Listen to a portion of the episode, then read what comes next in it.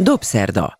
Váradi Júlia portréműsora a Klubrádióban. Beszélgetések kultúráról, művészetről és a világ dolgairól.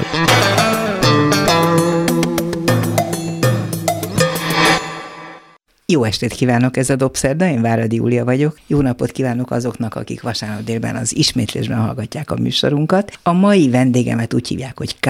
Horváth Zsolt, és aki a nevet nem ismeri, annak ajánlom, hogy ismerje meg, mert hihetetlen széles körű ismereteivel és nagyon-nagyon alapos kutatási képességeivel olyasmit tár minden egyes témájában a közönség elé, amire hát én nekem legalábbis nagy szükségem van, de én szerintem a mostani fiataloknak is, meg akik itt élnek ebben az országban, hát nagyon jó tudni, hogy mik az előzmények, mindenféle dolognak mik az előzményei. Társadalomtörténészként, kritikusként, művészetelméleti kutatóként, médiakutatóként mindezeket vizsgálja, és azért került most az én látóterembe, mert egy olyan hatalmas életmű elemző kétkötetes tanulmánya jelenik, vagy jelent meg, Megjelent. nem, akkor már meg is jelent, a legmeghatározóbb pszichológusról, Mérei Ferencről, nem csak mint pszichológus volt meghatározó, hanem mint személyiség. A teljes 20. századot sok-sok szempontból lefedi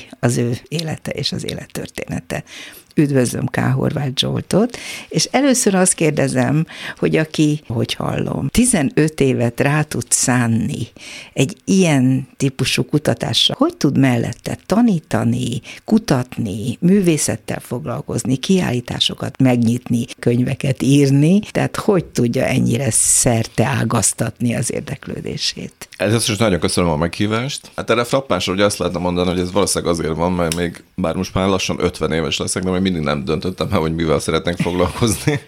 Ez mondjuk a vicces része. Nyilván azért már eldöntöttem, illetve hát nyilván a, az intézményrendszer valamilyen szempontból kijelöli azt, hogy az ember mivel foglalkozzon. Tehát én alapvetően történészként végeztem, ebből szereztem fokozatot, viszont mindig is nagyon érdekelt a művészet részben egy kicsit ilyen gimnáziumi, meg ilyen, ilyen kamaszkori baráti érdeklődésből fakadóan a színház és általában a képzőművészet, illetve azért az irodalom is, és ez így valahogy megmaradt. Hiába mondjuk elsősorban társadalomtudományokat, szociológiát, média elméletet, tehát ilyeneket tanítottam elsősorban az eltén februárig, most már nem ott vagyok, de eddig az eltén tanítottam. Most már a. Mentem a Metropolitan Egyetemnek Igen. a művészeti karán dolgozom februártól. Mert visszatérve a kérdésére, hogy miért készül ilyen hosszú ideig mondjuk egy könyv. Egyrészt nyilván nagyon sok idő megírni, de másrésztről a, a kutatás az még szertágazó volt, tehát nagyon sok levéltári, kézirattári anyag, könyvtári anyag, vizuális anyag, dokumentumfilm, szóval szinte mindent próbáltam dokumentumként felhasználni ebben a könyvben, szóval ennek az összegyűjtése sem nagyon kevés,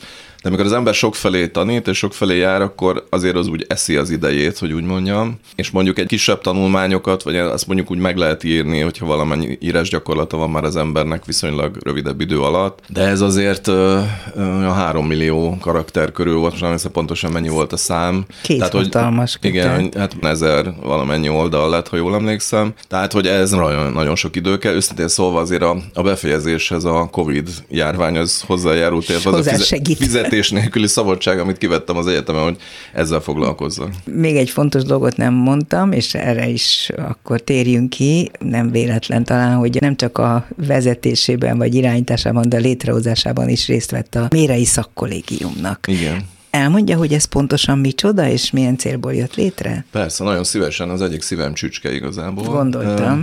Mikor elkezdtem tanítani 2005-ben az eltén, ősztől, akkor előtte én tanítottam Pécsen, óraadó is voltam, meg voltam rövid ideig rezidens oktató, de valahogy az volt, amikor, amikor elkezdtem az eltén tanítani, hogy ezért ez egy sokkal nagyobb egyetem, egy sokkal nagyobb szakkal, ráadásul sokkal több hallgató van természetesen. Kicsit olyan üzemszerű volt. Tehát amikor egyetemista voltam, akkor is ezt lehetett érezni, de most ugye még hatványozottan sokkal többen járnak az egyetemre.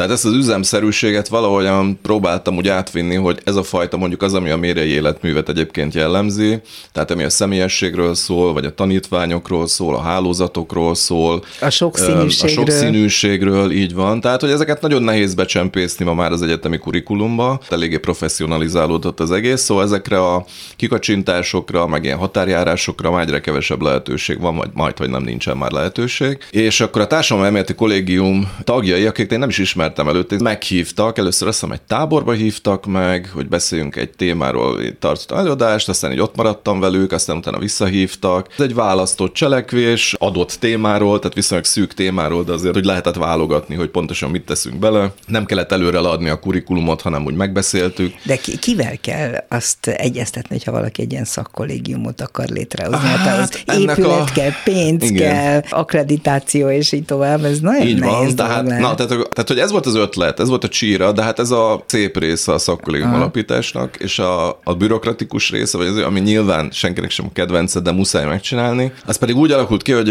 a főnököm is volt egyébként, illetve hát mondtam, mondhatom, hogy jó barátom György Péter, és akkor ő mondta, hogy ő szeretne csinálni szakkollégium, és mondtam, hogy de hát én is pont ezt gondoltam most, a, ezeket csináljuk együtt.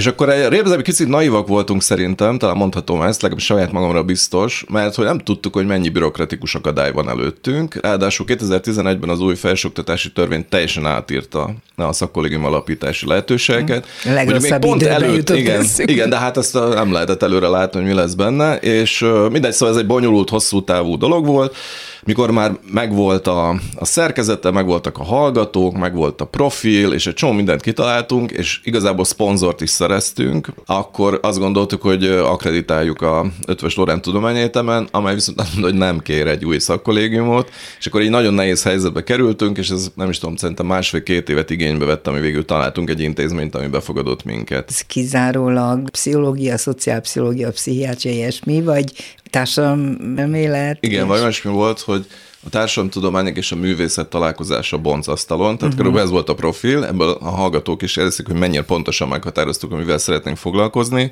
Vagyis, hogy nekem az volt a célom, vagy az volt a célunk, inkább itt többes számban mondom, mert ezért ezt a hallgatókkal mindig, vagy a tagokkal mindig megbeszéltük, hogy ne azt tanuljuk, vagy finomítsuk tovább, amit az egyetemen hallanak, hanem olyasmiről legyen szó, amiről az egyetemen nem hallanak. Mondtam, hogy akkor dobjanak be ötleteket, ne csak Mondana témát, egy párat, hanem... mert kíváncsi, csak, hogy ez a korosztály, ez mire kíváncsi? Például, csak hogy mondjak egy példát, mondjuk akartak egy ö, filmtörténettel, vagy filmeméletek, a magyar filmtörténettel kapcsolatos órát, akkor mondtuk, hogy oké, okay, akkor Gelencsér Gábor filmtörténész, filmesztét, a kollégámat megkértük, hogy tartson egy ilyen órát. Volt egy-két filmes hallgató, de nem ez volt a jellem jellemző, akkor legyen nagyon sok társadalmi nemekkel kapcsolatos óra volt. Ugye ez nem most, hanem 10-12 évvel ezelőtt vagyunk, tehát amikor nem volt, szóval itt szerintem sokkal nagyobb újdonság volt, mint ma. Ugye ma másképpen érdekes, vagy másképpen problematikus erről ja, beszélni. ott volt, vagy Igen, de akkor meg még nem akkor került még nem ilyen politikai, nem, nem, közszereplőként így van, pár játszott. évvel korábban volt, viszont nagyon érdekelte őket. Azért a bölcsészkarra, akár média szakra, akár esztétika szakra, azért a hallgatóknak, most nem tudom pontosan megmondani, szerintem a 75-80 százaléka az nő, és mm. azért jóval kevesebb férfi jár, tehát hogy nyilván ebből is fakad, de a, azok a, tehát hogy engem is érdekelt, és, a, és gyakorlatilag ebben egy ilyen konszenzus kialakult, tehát ilyen szempontból szerintem világ világnézetileg meglehetősen mm. egységesek voltunk, de építészettel kapcsolatos, a pszichológiával kapcsolatos is volt egyébként, volt egy ilyen kritikai pszichológia óra, amit még Erős Ferenccel együtt ah. tartottunk, abban én is részt vettem. Neki ajánlja egyébként Igen. többek között ezt a két kötetes mérei tanulmányt, neki Mérei Verának és Litván Györgynek, majd arról beszélünk, Igen. hogy miért csak most, hogy Erős Ferencet említette, aki azt hiszem, hogy a szociálpszichológusok számára is, de mindannyiunk számára nagyon hiányzik. Vagy Így van. Lát, láttam egy könyvét, aminek most nem tudom idézni a címét, pedig próbálom megkeresni, de nem a sikerült. Vénusz? Igen. Ja. Tehát a testről, Igen. a szépségről, esztétikumról, szexualitásról, és egy egész másfajta látásmódról, mint ami a beidegzett. Ezzel is foglalkozik? Ez egy külön útja annak, ami a művészettel mm. kapcsolatosan foglalkoztatja? Ilyen nagyon tudományos és nagyon professzionális értelemben szerintem ez egy ilyen határsértés volt, mert Társadalomtörténészként érdekelt a test, és a társadalomtörténészek is foglalkoznak azzal, hogy akár a test, a tisztálkodás, szöltözködés, a divat, a szépészeti szerek, stb. Tehát van egy ilyen jellegű irányzat, de, de valójában nem is annyira ez adta számomra az ötletet, hanem hanem az, hogy volt egy kutatószeminárom, az is kb. 10 évvel ezelőtt kezdtem el, ami egy országos tudományos diákköri konferenciára próbáltam így behúzni hallgatókat, hogy akit érdekel valamilyen részlet téma, vagy kisebb-nagyobb téma, segítettem nekik kidolgozni ezt a témát, hogy hogyan kell egy tudományos kérdést feltenni, hogyan kell kutatni, stb. stb. És talán az első vagy a második év elején rögtön mondtam, hogy mondjanak valamit, hogy mivel szeretnének foglalkozni. És ott is nagyjából ez volt 70-80 százaléka fiatal nő volt, és akkor azt mondták, hogy a testtel szeretnének foglalkozni. Hm. Hát akkor én néztem, én annyira nem értek ehhez, de hát gondoltam, hogy egyrészt utána nézek, másrészt segítek neki felépíteni ezeket a témákat, és akkor itt az étkezési rendellenességektől, a kép, testképtől, a különböző, tudom én, a fitness, bodybuilding, és tehát ezek kortás témák voltak, és mindig arra próbáltam őket vinni, hogy ne, ne azt fogadjuk el normálisnak, vagy ilyen teljesen exkluzívnak, ami ma van, hanem próbáljuk meg egy picit történetileg elgondolni, hogy mikor jönnek ezek létre. Tehát mi, mióta miért? van mondjuk női body bodybuilding, így van, és hogy miért. Van? 1972 óta, hogyha Csak. jól emlékszem, igen. Ezek Jé. egyáltalán nem annyira régi. Aki mondjuk 2000-ben született, annak ez ősrégi dolognak tűnik, de hát azért, hogyha mondjuk tényleg egy ilyen történeti távlatban nézzük, akkor ez nem egy olyan vészesen nagyon régi dolog.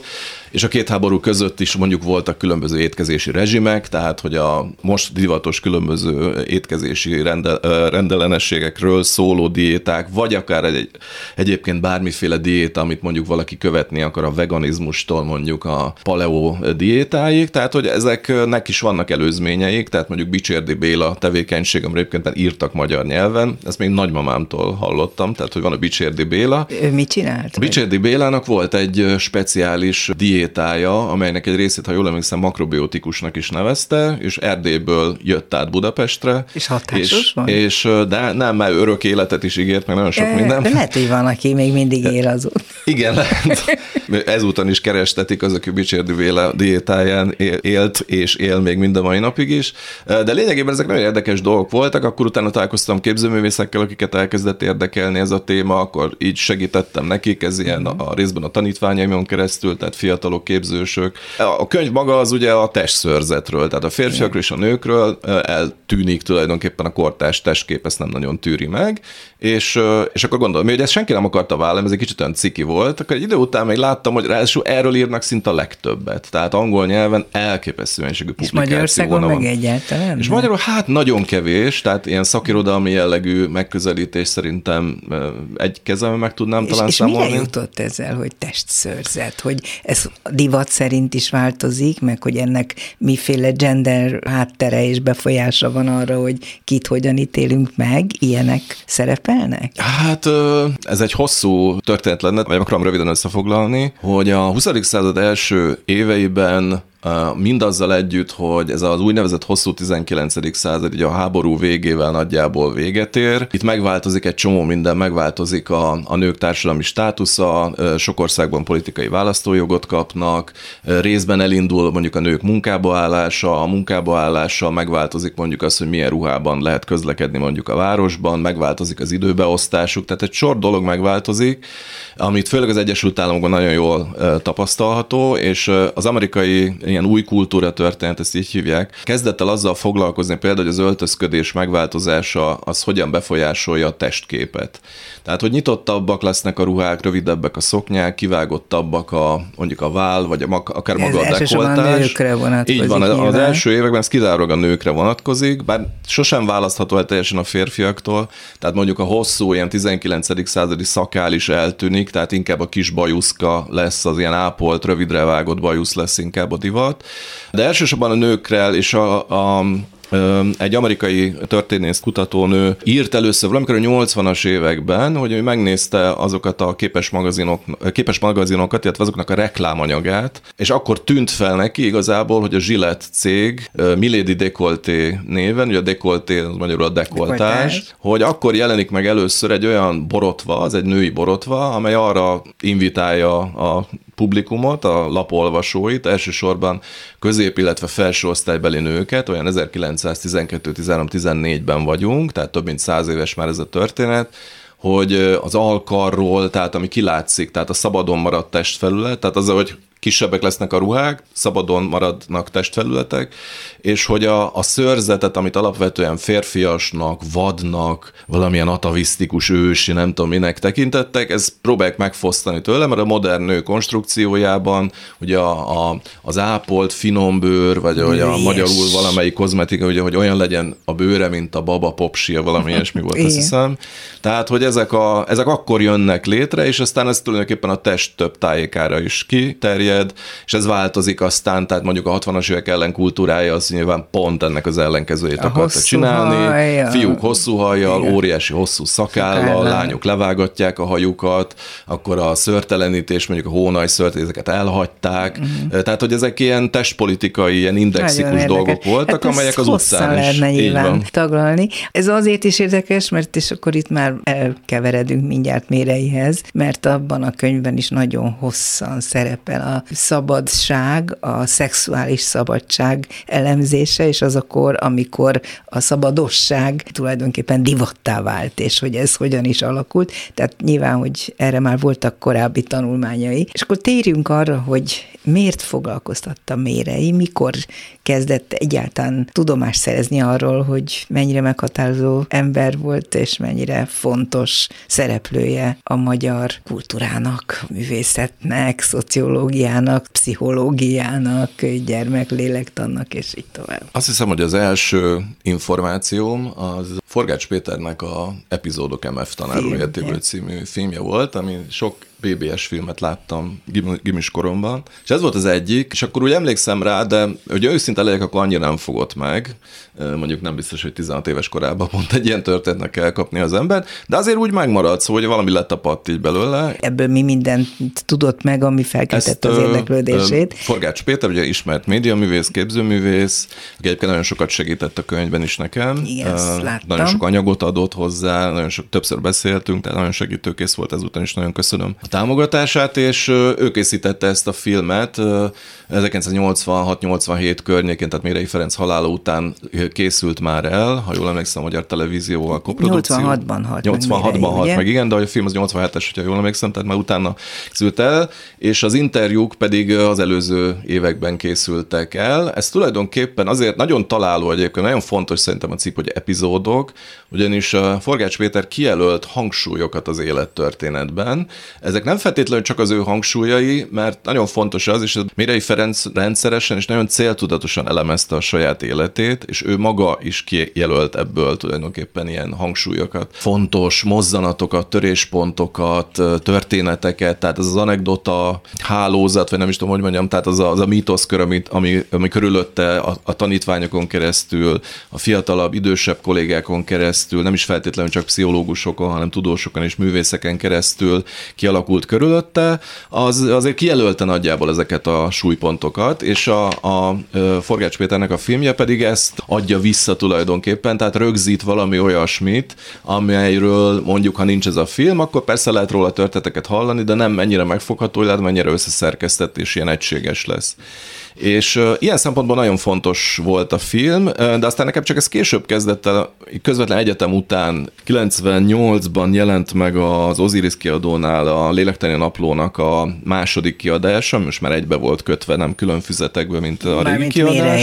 Mérei Ferencnek a Lélektani Naplója, ez is Forgács Péter rendezte sajtó alá, Csepeli György írt hozzá egy szerintem nagyon ihletett előszót, vagy utószót, bocsánat, és akkor utána a Books-ban, a Budapesti Könyvszemlében jelent meg egy ilyen tiszteletkör, amelyben pszichológusok, kollégák írtak erről a könyvről, illetve Méreinek a, a szerepéről, és ez szerintem egy nagyon fontos pillanat volt, mert hogy 97-98-ban, amikor a történeti hivatal kinyílt, akkor Litván György, aki szintén a kutatás kezdetén, hmm. sőt, hát tulajdonképpen ő hívott fel, hogy nem akarok -e ezzel egyébként egyszerre csuktak le annak idején, 59, 59-ben igen. méreivel. És akkor a, az akkor még történeti hivatalnak, ma már ugye állambiztonsági szolgálatok történeti levéltárnak nevezett intézményből ő volt az első, aki, aki a méreire vonatkozó dokumentumokat, meg hát nyilván hmm. magára vonatkozó dokumentumokat kikérte, és ebből két nagyon izgalmas tanulmányt publikált az akkor ebben a fekete folyóirat beszélőben, az egyik a Mérei Ferenc a börtönvilágban, a másik pedig Mérei és a Krampus És főleg a második volt az, ami nagyon, nagyon szellemes volt, tehát maga az anyag is nagyon szellemes egyébként, mindannak ellenére, hogy elég vérfogyasztó időszakban játszódott. És szörnyű dolgok derültek ki, ott a történeti hivatali kutatások ki, de során. magának az egész társaságnak, arról még beszéltünk majd később, ugye volt egy ilyen belső használatra alkalmazott fekete humor a hmm. tarsajában, amelyet nem is időnként, hanem szinte mindig előrántottak, amikor hát halálosan volt komoly sok dolgokra. olyan helyzet az ő életükben, Így amikor van. szükségük volt erre. K. Horváth Zsolttal beszélgetek, művészet, kutató, műveldés, történész, történész, mérei kutató, most ebben a pillanatban éppen erről beszélgetünk. De mielőtt még ezt így bővebben elmesélnénk, tegye meg, hogy azoknak a hallgatóknak, akik esetleg, és biztos van ilyen azért, aki nem tudná, hogy mi most kiről beszélünk, hogy Jó. ki is volt Mérei Ferenc, és miért ennyire fontos, hogy, hogy tudjuk, hogy ki volt. Próbáljuk őt bemutatni. Jó. Akár ezekkel a sarkalos pontokkal Jó. megfűszerezve a magyarázatot. Jó. Jó. Ebben picit benne lesz az én értelmezésem is, tehát nem egy ilyen lexikon Sokan lesz. sokféleképpen értelmezték, Jó. de hát azért Igen. van egy egyértelmű Igen. válasz is, gondolom. Igen. De hát Mérei Ferenc 1909-ben született Budapesten, és 1986-ban halt meg Budapesten, tehát ennek az úgynevezett rövid 20. századnak egy elég hosszú, vagy csak nem az egész századot végélte, Tulajdonképpen maga a család, arra nem, nem nagyon sokat beszélni, csak az az érdekes igazából benne, hogy a szülei ugye nem Budapesten születtek, tehát ilyen szempontból egy ilyen első. talán? Esztergom, és az édesanyja pedig Poroszlón, Tisza Igen. Poroszlón született, és az édesapja nagyon fiatalon, 37 éves korában meghalt, tehát hogy éppen, hogy ismerték, de nagyon sok emlék egyébként nem is volt Mérei Ferencnek róla. Az általános iskoláit és a középiskoláit meglehetősen hektikusan járta végig, mondjuk így, tehát elég szóval turbulens volt. és így van, elég turbulens volt ez a iskolai kurikulum, ami csak azért érdekelt nagyon, általában az életrajzokban nem szoktak el nagyon sokat írni, de engem azért érdekelt nagyon, mert ha valaki nagyon sokat foglalkozik az oktatással, akkor abban lehet, hogy van valamilyen elaboráció, tehát hogy a saját hogy vala, korai... valahogy nem érezte jól magát az így van, nagyon rossz, és hát na, igaz, akkor nagyon legyen ki jobb, így mint van. amilyenek ők volt. És uh, emiatt uh, aztán végignéztem tulajdonképpen a fővárosi levéltárban, hogy ezeknek a középiskoláknak megvan az iratanyaga, és ezeket mind végig lehetett nézni. Sokféle iskolába és, Hát rengetegbe, tehát nem is volt egyszerű megtalálni, de ez most annyira nem érdekes. És az érettségi után e, volt egy bátyja, Mérei Endre, aki elment az Egyesült Államokba, kivándorolt, és az is érdekes egyébként, hogy egy ilyen Budapestre bevándorló családnak a két gyermeke, ugye egy egyedül maradt anya, aki aztán újraházasodott egyébként, de, de mégis nehéz körülmények között nevelte a két gyereket, és hogy mind a két gyerek elhagyja Magyarországot egy adott pillanatban. Mert hogy Ferenc az érettségi megy. után így van, és először Berlinbe akart menni, de aztán valami furcsa módon mégiscsak Párizsba került. Most ez, ebben is van egy érdekes kulturális minta, amelyről szintén beszélek hosszasabban a könyvben, hogy ő eh, kamaszkora vége felé eh, találkozott ugye kassákkal, eh, illetve az a baráti hálózat, ami tulajdonképpen az egész életük végéig kitartott, annak jelentős része, amit a korai időszakban ugye oppozíciónak hívtak, erős írok hosszasabban a könyvben, és a háború után ilyen 53-54-től, inkább 54-től törzsnek nevezték, és ez tulajdonképpen szintén a halálukig fennmaradt Igen. ilyen zárt baráti társaság volt, Szóval, hogy ők ebből az időszakból, 15-16-17 éves koruktól Ebből ismert, táplálkoztak ebből tulajdonképpen, talán ez, ez nyitotta fel az ő szemét. Meg, meg azt hiszem talán a Justus Pállal való találkozása, van, az ugye? is innen datálódik. Ami ugyanakkor igen, igen, történt. Igen. Tehát két, két nagyon meghatározó pontja az ő életének és a későbbi fejlődésének, ez az egyik a politikai, társadalom, szociológiai. Igen, és, és hát azt gondolom, hogy olyan társaságba keveredett, szerencséjére, amelynek köszönhetően tényleg felnyílt a, a szeme, és itt jegyzem azt meg, hogy én még nem olvastam olyan életrajz elemzést, amely ilyen módon próbál meg tudományos hátteret adni azoknak a meghatározó pontoknak, amelyek egy ember életében lényegesek, mint ahogy például az a, környezet, az a tér, ahol él, a Chicago, ahogy egy Budapestnek azt a hetedik, hetedik kerület, a hetedik kerületet nevezik, ahol ő élt. Tehát ennek egy nagyon fontos tudományos hátterét adja a kasságkörnek, a Justus Pál féle gondolkodási háttérnek. Melyek azok a lényeges pontok, amelyekre úgy látja azt mondta, hogy saját megközelítésében fogja elmondani, hogy ki is volt Mérei Ferenc, amik tényleg mindannyiunk számára fontos, mert így a 20. századot valójában át lehet fogni. Párizsban, mint választásban, az nagyon fontos. Szerintem nagy, nagy, nagy szerepet játszottak a művészetek. Tehát például, amennyire tudom, például az, hogy az Egyesült Államokban az, az ő fejében fel sem merült. Berlin, azt szerintem elsősorban a részben a politikai, társadalomkritikai, részben a művészet miatt, mint a 33 előtti Berlin azért lehetett volna az érdekes. érdekes. lehetett volna. Igen, igen, azért lehetett érdekes, de a Párizsban, mint választásban, az egészen biztos, hogy Kassák Lajos, illetve Adi Endre. Tehát az volt ami, a mintaadó, vagyis az a modell, hogy, hogy van a 19. század fővárosa, amely a művészetben, a képzőművészetekben, az irodalomban, a költészetben, az életformában, és egy csomó dologban mintaadó volt valóban, és a városépítészetileg is utánozták, és nagyon sok mindent utánoztak belőle, és ez a fajta utánzási vágy vitte Párizsba, de nem tudta igazából, hogy mire szeretne jelentkezni. Nagyon sok mindenre beiratkozott, egyébként meg lehetett találni valóban az iratkozási papírjait Párizsban, a levéltárban, tehát sok dokumentumot találtam ott is, és ilyen szabad bölcsészként, tehát ez, hogy magyarul úgy mondjuk, ugye, hogy szabad bölcsészként járt a Szorbonra, és így találkozott, Véletlen teljesen véletlenül, ez, ez tényleg ilyen derültékből a villámcsapásszerű, hogy egyszer besétált véletlenül Henri Vallon francia pszichológusnak az egyik órájára,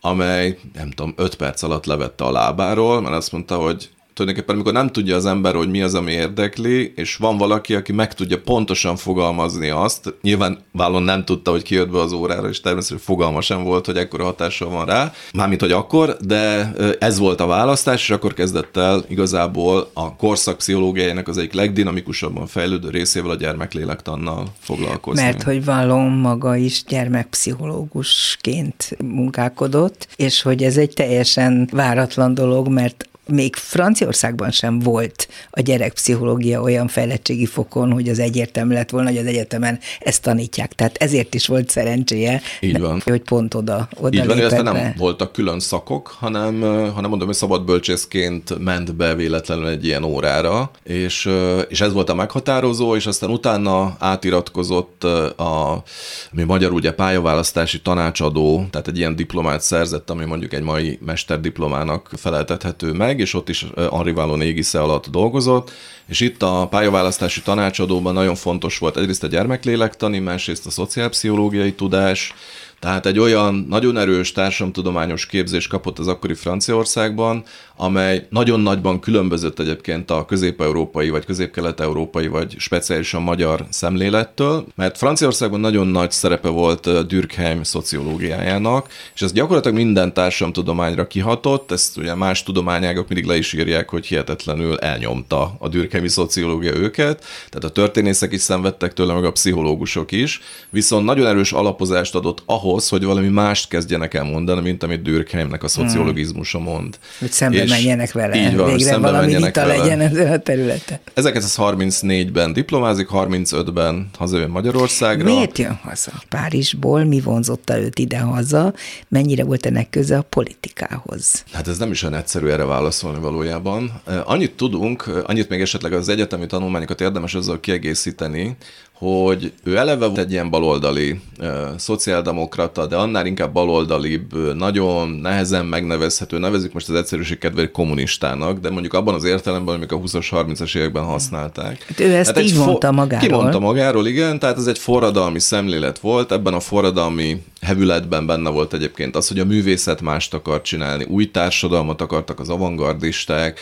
Szóval, hogy itt valóban a hosszú 19. század után, a 20. század első két-három évtizedében volt egy ilyen baloldali forradalmi, világmegváltó hevület tulajdonképpen nem csak a művészetekben, hanem a tudományokban is, és ezért egyébként a gyermekpszichológia, mint olyan, azért is sokkal politikusabb, mint amennyire ma ez valamilyen teljesen ilyen objektív, kicsit száraz tudománynak tűnhet, de valójában itt a gyermekben az új társadalom eljövetelét A jövő- látták meg, jövő tehát hogy hogyan lehet gyermekközpontú módon gondolkodni, hogyan lehet az iskolarendszert úgy formálni, hogy a gyermek is megtalálja benne a helyét, és hogyan fogra a demokratikus szellemben felnevelt gyerek demokratikus társadalmat működtetni. Ezt ő már akkor ott Párizsban megértette? Ezt így nem vagy... mondanám, ezt most egy kicsit visszafelé vetítem, tehát nem hiszem, hogy mondjuk 23-24 éves korában ezt így kimondta volna saját magának, viszont ugye az embert viszi a világnézete. A világnézet az ilyen értelemben nem racionálisan elgondolt valami, hanem a fejünkben van egy csomó információ, ez összekapcsolódik különböző érzelmi választásokkal, opciókkal, és ezek keverednek mondjuk egy fiatalember fejében, amikor választ, és ott a francia kommunista pártnak volt egy magyar szekciója, nagyon sokan ismertebb, kevésbé ismert személyek dolgoztak, a párizsi munkás, munkás illetve nagyon sokféle kör. más, már betiltották ezt a lapot, és aztán más néven adták ide, magyar nyelven egyébként. Igen, de ilyen kör is volt hozzá, tehát egy állandó mozgásban lévő fiatal emberekből álló Meg csoport. különböző akciókat szerveztek, és a többi, és a többi. És hát Kassák is nyilván nagyon fontos szerepet játszott abban, hogy a politikai szemléletét irányítsa. Így van, így van. Tehát mondom, a művészet és a politika és a társadalomformálás vagy alakítás az, az így együtt van, az egy pak az ő fejükben akkor. Igen. Ez nem választható szét valójában. A párizsi években is benne van az, hogy azért alapvetően neki ez a hazája, és hogy ő vissza akar jönni, mert itt kell megváltoztatni mm. a társadalmat. Visszamenőleg ugye azt mondja a Forgács Péternek az említett filmjében, hogy nem szerette Párizst akkor, hogy nem érezte igazán jól magát. Ebben van nagyon sok nélkülözés is egyébként, tehát ők nem ösztöndíja mm. mentek ki,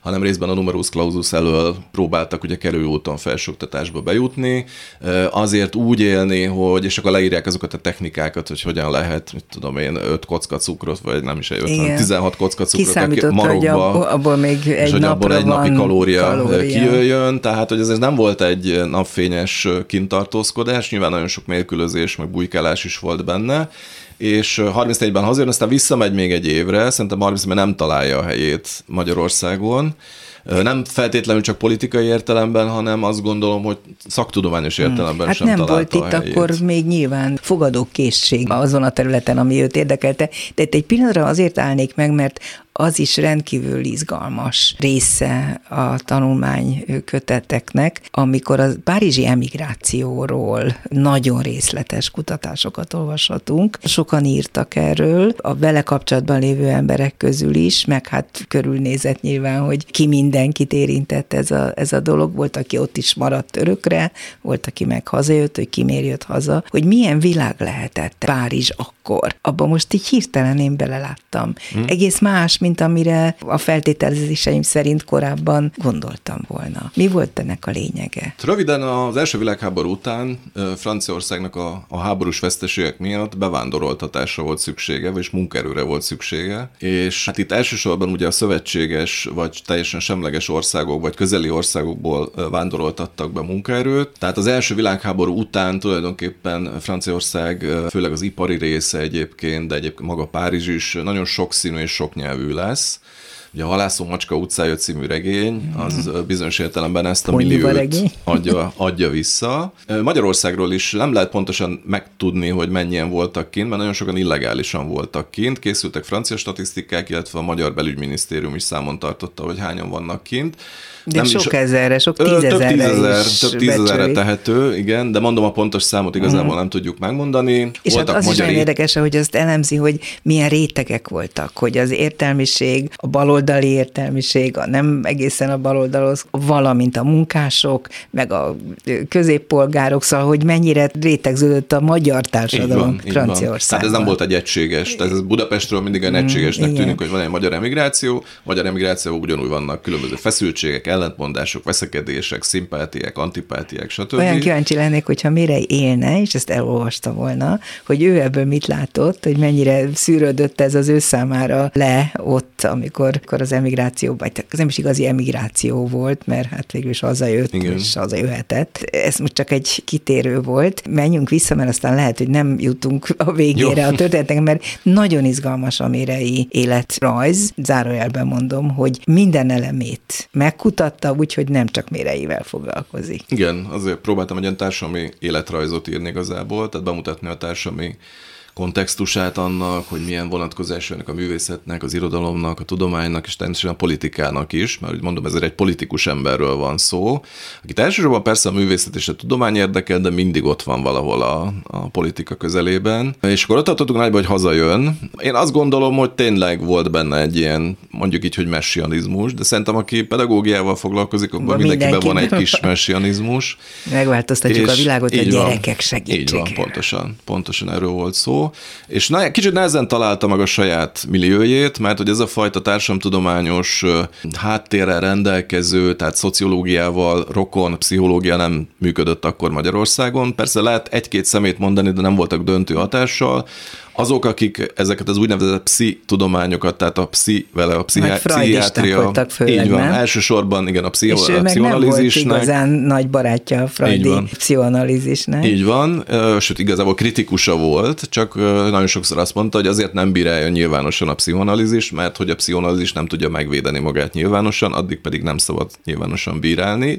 Leírta egyébként, tehát a könyveiből és a cikkeiből visszakereshető, vagy beszéltünk éppen róla, de ez főleg a, a 40-es évek végére vonatkozik ez, amit az előbb Aztán említettem. megváltozott egy kicsit ebben a tekintetben? Megváltozott, mert szerintem a késői írásaiban ö, több pszichonalitikus fogalmat használ, de azt gondolom, hogy ö, nagyon sok tekintetben a pszichoanalízisnek az individuális szemléletét nem osztotta, nem osztotta ezt az úgynevezett infantil fatalizmust, vagyis hogy a gyermekkor annyira meghatározó lenne a felnőtt személyiség kialakulására, tehát hogy determináns lenne a, a Hát felnőttkori ő azt mondta, hogy a, hogy a gyerekkor a társadalmi hatások szempontjából fontos, Így mert a felnőttet azt teszi azzá, ami, amit a gyerekkorában a környezetében tapasztal. Ugye ez volt Így az van. elmélete. Így van, ez az ilyen millió elmélet uh-huh. nagyjából, tehát hogy a gyermek nem, nem a valamilyen biológiai szükségszerűség alakítja vagy formálja a személyiségét, mondjuk ezt a pszichonalízis sem mondja azért így ebben a formában. Kicsit leegyszerűsítve, hogy azt mondja, hogy ő úgy gondolta akkor, mondja a 30-as években, hogy a gyermek az fehér lap, amelyre a társadalom írja fel a jelentését, és mondja idősebb korában, akkor olyan 70 körül volt, hogy ma már azért nem egészen így gondolom, mm. tehát hogy ez a mondjuk a fiziológiai, vagy a különböző családi dolgoknak egy picit nagyobb jelentőséget tulajdonított, de alapvetően társas szemléletű volt egész életében, tehát azt mondta, hogy tulajdonképpen a, az én személyiségem az a másik emberrel teljes. Tehát egyedül nem tudok teljes ember lenni, csak azokkal, azzal vagy azokkal, akik körülvesznek, akiket szeretek, akikkel, akikkel párbeszédet tudok folytatni, akikkel folyamatosan formáljuk egymást úgy, hogy észre sem Tehát, vesszük. hogy az ember társadalmi lény. Így van. Ez egy, ez egy radikális mondás a 30-es, mm. hogy egy társadalmi lény, hogy én elkezdem a mondatot, a másik pedig befejezi, mert pontosan tudja, hogy mi van a fejemben. És ugye ennek a lényege az, amit a 30-as években kezd el kidolgozni, és aztán igazából a háború után a 47-ben megjelenő az Együttes élmény című könyvében írja meg, hogy ez nem csak arról szól, tehát, hogy együtt jól érezzük magunkat, hanem arról is szól, hogy az együttes millió az az öröm, hogy együtt vagyunk, és együtt tudunk dolgozni egymás, hogy kooperatív módon együtt dolgozunk, az kiteljesíti a saját személyiségemet is. Vagyis tulajdonképpen visszahat az individuumra az, hogy kik veszik körül. De ha ő ennyire ellene volt a freudi pszichoanalízis metódusának, az felmerült bennem, hogy ugye fiatalon összeházasodott egy kolléganőjével, Mérei Verával, aki akkor Molnár Veronika néven került a közelébe, és Mérei Vera pszichoanalízisbe járt. Vajon mit szólt ő ehhez? Mire azt támogatta, hogy valaki analízisbe menjen, tehát fontosnak tartotta az analízist egyébként. Ez kritika volt, tehát ez nem azt jelenti, hogy elutasítom, és nem vagyok hajlandó tudomást venni róla, hanem a pszichoanalízisnek bizonyos megállapításait, az előbb említettem, túlzottan individuálisnak uh-huh. tekintette, hogy a gyermekkora túl Tehát nagy hangsúlyt fektet, ilyen eleve elrendeli. Ezeket, ezeket bírálta, de ettől Értem. függetlenül ő maga is, tehát ő is volt analízisben egyébként Szondi Lipótnál, tehát ezeket a, tehát hogy ahhoz, hogy valamit bírálni tudjunk, az nagyon jól kell ismerni. Ismerni, igen. Ez egyébként általában jellemző a mérei módszerére, hogy nem feltétlenül csak olyan dolgokat tanulmányoz, amelyek őt nagyon közelről érdeklik, vagy megerősítik mondjuk a korábbi véleményét, hanem olyan dolgokat, is, amelyek kifejezetten ellene vannak adott esetben, megnézi, megpróbálja, megforgatja, és akkor ez a vagy kiköpi, vagy lenyeli típusú eset, de általában mindent nagyon kritikusan szemlélt. Mérei Ferenc zsidó származású volt, amivel nem foglalkozott egészen addig, amíg egyszer csak rádöbbent, hogy azért hívták be katonának, gyönyörű egyenruháját fel is vette, mert a ruhának nagy jelentőséget tulajdonított, ezt magától tudom, mert hogy őt munkaszolgálatra kényszerítette a hatalom, és akkor döbbent rá valójában, hogy ez a zsidósága miatt történik. Hogy lehet, hogy ennyire felvilágosulatlan volt? Hát ugye ez nehéz, mert tulajdonképpen maga, azért elemeztem részletesebben például az iskoláit, a középiskolákat, mert hogy ugye a két háború közötti iskolákban a hittan oktatás, tehát igazából tudott ő erről, ez nem volt titok, hiszen hittan tanult, illetve maga a baráti társaságnak is szerintem, a, most nem tapad, mondjuk a 98%-a ugyanilyen, tehát amit az Isaac Deutscher úgy nevez, hogy nem zsidó-zsidó. Vagyis, hogy tudok róla, hogy az vagyok, ez a származásom, ezt most idézőjelben mondom, csak ugye nem lehet látni a rádióban, de ennek nem tulajdonítottak akkor különösebb jelentőséget, mert hm, hogy nem volt, ok rá, nem volt rá ok, nem gyakorolták a vallásukat, tudtam, hogy a szülei sem voltak vallásosak, illetve az édesapa halála után a középiskolai tanulmányaiban sem jelenik meg, hanem egy ilyen praktikus, reáliskolába íratják. Ugye a, a családi tekintetben ez, az, ez egy ilyen asszimiláns hmm. stratégia, nincs jelentősége, mit foglalkozunk vele, körülbelül ez volt a, a viszonya, és aztán a munkaszolgálat az, amikor, amikor ezzel először világosan találkozik, és aztán a munkaszolgálatban is azért nagyon átformálja tulajdonképpen azt a narratívát, amit mondjuk ma a történészek konszenzusként osztanak róla, tehát hogy ő úgy mondja el, és ez egy picit ilyen képrombolónak is tűnhet egyébként a ma szemszögéből visszagondolva, hogy, de most nagyjából idézem, nyilván nem szó szerint, de körülbelül azt mondja, hogy hát a, a munkaszolgálat számomra ez egy fantasztikus lehetőség volt, és mondom, hogy megfagy a vér az emberben, amikor ezt először olvassa, de utána azért elmagyarázza, körülírja az, hogy miért találta ezt a helyzetet olyan nagyon fantasztikusnak. Az egyik az az, hogy ugye azt látta benne, hogy, vagy az volt a terve egyébként, hogy mint egy ilyen baloldalinak, vagy kommunistának, most akárminek is gondoljuk, szerintem legem egyébként inkább szocialista volt ő, de mindesetre, hogy ő át fog szökni a vörös hadsereghez. Meg is ez, tette. Meg is tette, de ez, ez egy stabil elhatározás volt, többször megpróbálta, egyszer sikerült végül, 44 augusztus a környékén. Addig követhetjük egyébként a, Verá, a Mirei Verával való levelezését. Nagyon érdekes a, levelezést, igen. A, hát főleg ugye levelező lapok voltak, két ezek nem igazi. gyerek, ugye otthon, van, a két, két kislány lány Eszter és Anna otthon otthon volt, és hát a Verek és a két lány csillagos házba kerültek, aztán pedig bujkálniuk kellett, mert nem mentek be a gettóba. Akkor elszakad 44. augusztusában a, a család két része közötti kommunikáció, de sikerül aztán is a szovjet hadsereggel, pontosabban az új szó, ami a Vörös Hadsereg politikai lapja volt, annak volt egyfajta ilyen külső vagy belső munkatársa szerkesztője van, és egy fénykép a kötetben. Ugye Illés Béla, azt talán még többek emlékeznek Igen. a nevére, Illés Béla, aki később íróvá is vált, ő volt a főszerkesztő ennek a lapnak. De még azt fejtsük tovább, hogy miért tekintette ő idézőjelben fantasztikusnak a munkaszolgálatot. Nekem a könyvéből az jön le, és ugyanezt történt, amikor aztán később börtönbe került, ahogy erről már beszéltünk 59-től, hogy saját magáról tanult meg olyan új dolgokat, amelyekre nyilván soha korábban nem lett volna lehetősége, hogy mekkora ereje van ennek a kis vékony embernek, Igen. mit tud cipelni, hogy tudja magát leküzdeni, hogy tud derűs maradni bizonyos helyzetekben, tehát erre utal talán ezzel. Így van, így van, ez az egyik. Ez nagyon fontos az, hogy egy olyan határtapasztalatban vesz részt, ami civilizált körülmények között soha nem találkozott volna vele. De ebből nem a rosszat próbáltam meg kivenni, hanem azt, hogy hogyan tudja önmagát és a saját körülményeit úgy átalakítani, hogy számra elviselhető legyen ez az egész. És hogy ebben benne legyen a derű, benne legyen az, hogy ő olvasni szeretne. Tehát vannak a levelek, és hogy mit, kell el, mit küldjön el a Vera, hogy hogy legyen rávarva a cigaretta, és a többi, és a többi. Tehát, hogy a leg extrémebb, a legkiszolgáltatottabb és a legmegalázóbb helyzetekben is megkeresni, megtalálni a jónak a lehetőségét, ami meg tudja tartani azt, hogy a személyisége épp maradjon. És azt gondolom, hogy ez az egyik legfontosabb dolog benne. Aztán később a börtönben is ugye nagyon sokat kamatoztatott, de ezt itt tanulta meg a munkaszolgálatban. A másik pedig a politikai része, tehát az, hogy ugye azt gondolta, hogy most neki át kell lépni a politika színterére. Ugye egy izgága, nagyon sok minden iránt érdeklődő fiatal férfival, tehát akkor ugye mégiscsak 35 éves, 35-36 éves, fiatal, igaz, hogy ott a család, és nyilván ezzel nagyon sokat gondolt, mert a levelek egyébként, vagy a levelező lapok ilyen szempontból szerintem nagyon intimek és nagyon szépek, azért is idézgettem belőle részleteket, de azért ott van benne ez a küldetés, hogy, hogy itt valamit tenni kell. Ebből következik aztán egy olyan periódus, amire azt gondolom, hogy sem ő, sem a család nem volt túl büszke, még akkor sem, hogyha ugyancsak a tanulmányából egyértelművé válik, hogy alapvetően ő, bár nagyon megvádolták azzal, hogy despotikusan viselkedett a Rákosi idő alatt és azt követően, de hogy ő tulajdonképpen megpróbálta a megfelelő határokig kihasználni a lehetőséget, és valami jót cselekedni, mint neveléstudományi intézetvezető, mint a pszichológiai intézetvezetője, mint kulturpolitikus és mint oktatáspolitikus nagyon magas funkcióba került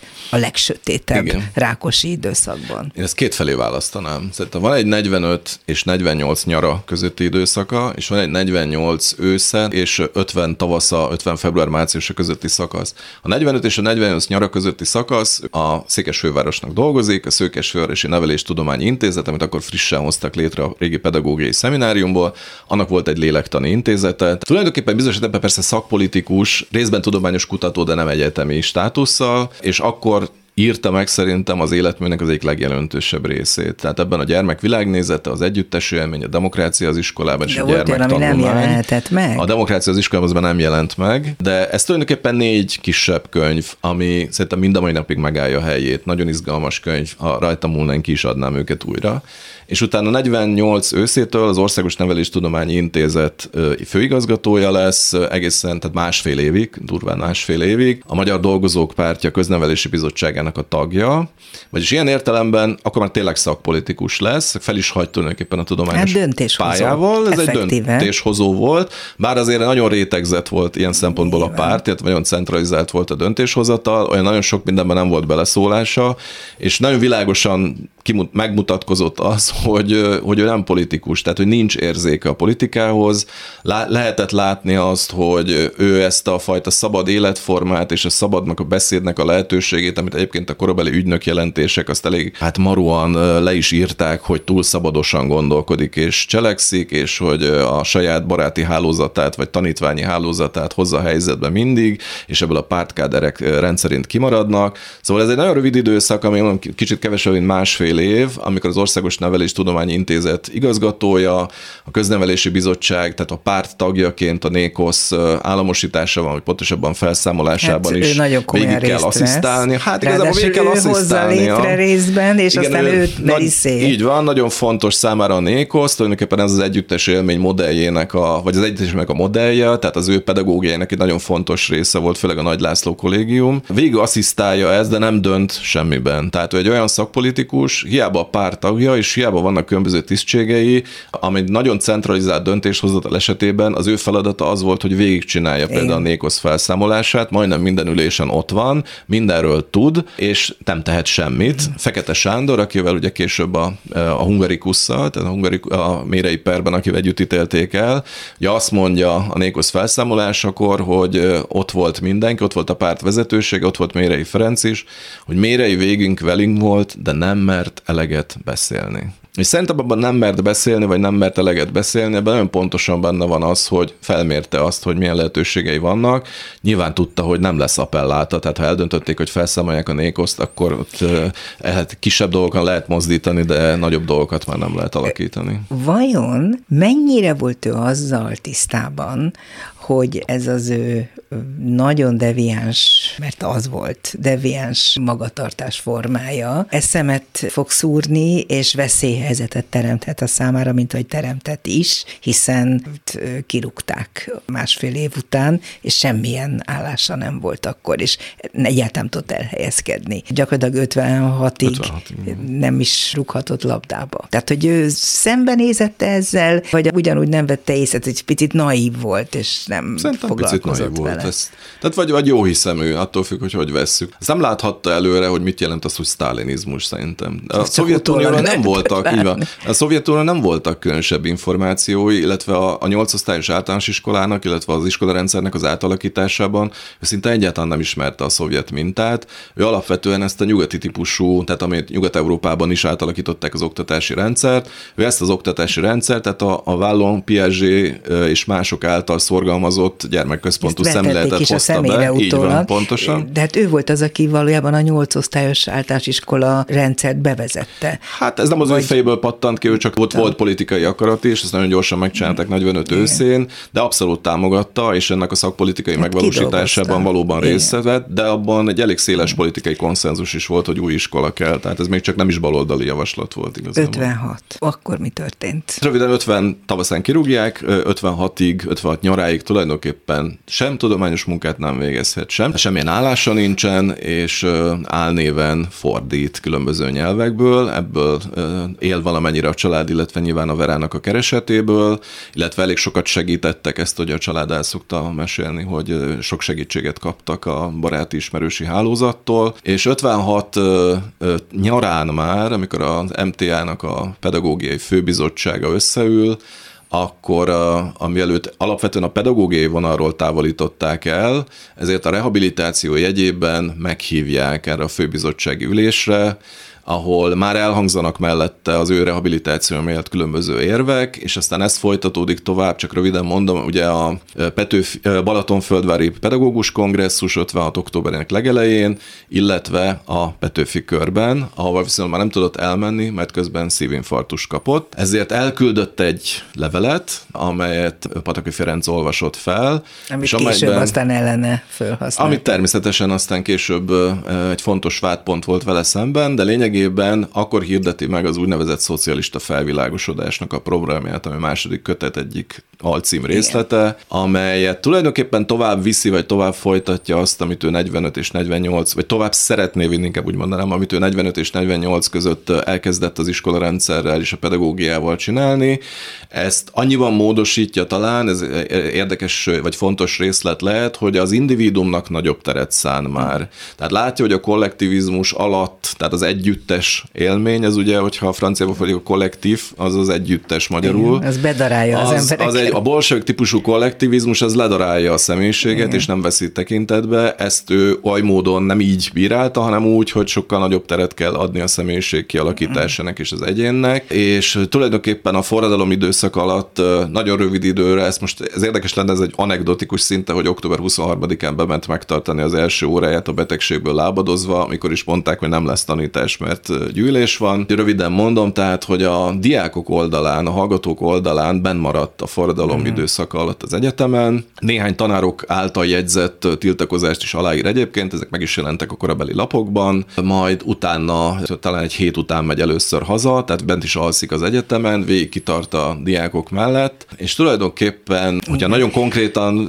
szűken vennénk, akkor ez az ő 56-os szerepe. Elég amelyet fontos azt, szerep, ez amit aztán 59-ben azzal díjaznak, hogy 10 évre elítélik őt. Az is meghatározó, Igen. hogy ő ott kidolgozott ugyanúgy, hogy a munkaszolgálat kapcsolatban egyfajta ellenállási metódust, amivel túl tudta élni valamennyire. Így van, és tulajdonképpen ez a beszélgetés elején említett lélektani napló, amely a börtönben születik, ami egyszerre tudományos munka, és egyszerre egy életrajzi öngyógyító szöveg, ugyanis kapott egy agyérgörcsöt, ami után nem tudott sátoralja új helyen, ami után nem tudott beszélni darabig, és tulajdonképpen öngyógyítás céljából elkezdte a saját álmait lejegyezni és elemezgetni. És aztán ezt egészítette ki, ez tulajdonképpen egy négy kötetes munka lett, amely aztán utána visszakerült ugye Budapestre börtönbe, tehát nagyjából ott írta meg a nagyobb részét egyébként. Ebben aztán kiterjeszti, tehát korábban inkább empirikus kutató volt ő, és ebben a munkájában jelennek meg először először például irodalompszichológia vagy művészetpszichológiai fejtegetések, ugye zárt intézetben, úgyhogy nem nincs nagyon, de könyvekhez valamennyire hozzáfér, tehát volt egy könyvtár, amelyet használni tudott, illetve be lehetett vinni néhány könyvet, de hát ez nagyon kevés volt, és tehát ezek fejből írt elemzések, illetve az irodalmi szöveget esetleg tudta idézni, és néhány szakkönyvet is tudott forgatni, de hát azért nem hasonlítható össze uh-huh. mondjuk egy nyugati tudósnak az, a munkakörülményeivel, és itt született ez a nagyon fontos könyv, amit egyébként ő az életműnek a csúcsának tartott, ez elég fontos még szerintem. És amiből tulajdonképpen táplálkozott később, amikor négy év után a nagy amnestiával kiengedik, és akkor aztán próbálkozik a szakterületén a lehető legmagasabb szinten tevékenykedni, de nem olyan nagyon nagy sikerrel kezdetben. Így van, tehát nem engedik vissza a saját szakterületére, pedagógiával egyáltalán nem foglalkozhat, és aztán sem pszichológia, sem szociológia területen nem tud elhelyezkedni, így végül is a, a Lipót-mezőre, tehát az akkori Országos Ideg- és Elmegyógyintézetbe kerül, ami egy teljesen új, vagy részben új kihívást jelentett számára, hiszen ő gyermekpszichológiával és szociálpszichológiával foglalkozott De elsősorban. egyáltalán nem. Pszichiátriával nem foglalkozott, nem is volt hozzá meg a megfelelő végzettsége. Annyi szerencséje volt, és ez természetesen az érdeklődésének a sokszínűségéből is fakad, hogy ő ismerte a tesztezést. Tehát volt egy bizonyos előképe, amit át tudott vinni a klinikai pszichológia területére, amely kifejezést ugyan ismertek akkor, de inkább orvosi pszichológiának nevezték, de valójában egy születőben lévő, mondjuk így, hogy aldisziplina vagy altudomány, a pszichológia egyik rész tudományának minősült mm. akkor, aminek a módszereit is létre kellett hozni. Ugye 48 után pszichológiát nem lehetett tanítani Budapesten az egyet, vagy hát Magyarországon az egyetemeken. 62-63-tól intézményesedik újra a pszichológia, és aztán utána a gyakorlatok során ugye nagyon sok mindenkit küldenek hozzá. Itt tulajdonképpen azt lehet mondani, hogy ő azok a gyógypedagógusok, akik ott voltak, illetve a fiatal pszichológus egyetemi hallgatókkal együtt dolgozzák ki tulajdonképpen a klinikai pszichológiának a korabeli fogalmát és gyakorlatát. Az igaz ugye, hogy egy idő után olyan központi szereplője lett, nem csak a szakterületnek, hanem a pszichológia iránt és a társadalom tudományok iránt érdeklődő fiataloknak, és nem is egészen fiataloknak központi szereplője, és tulajdonképpen azt hiszem értékadója. Így volt ez? Így, így. Azt hiszem, hogy ez nem túlzás. Ugye Erős Ferenc nagyon szerette azt a kifejezést, hogy egy ilyen hálózati guru lett Mérei Ferencből.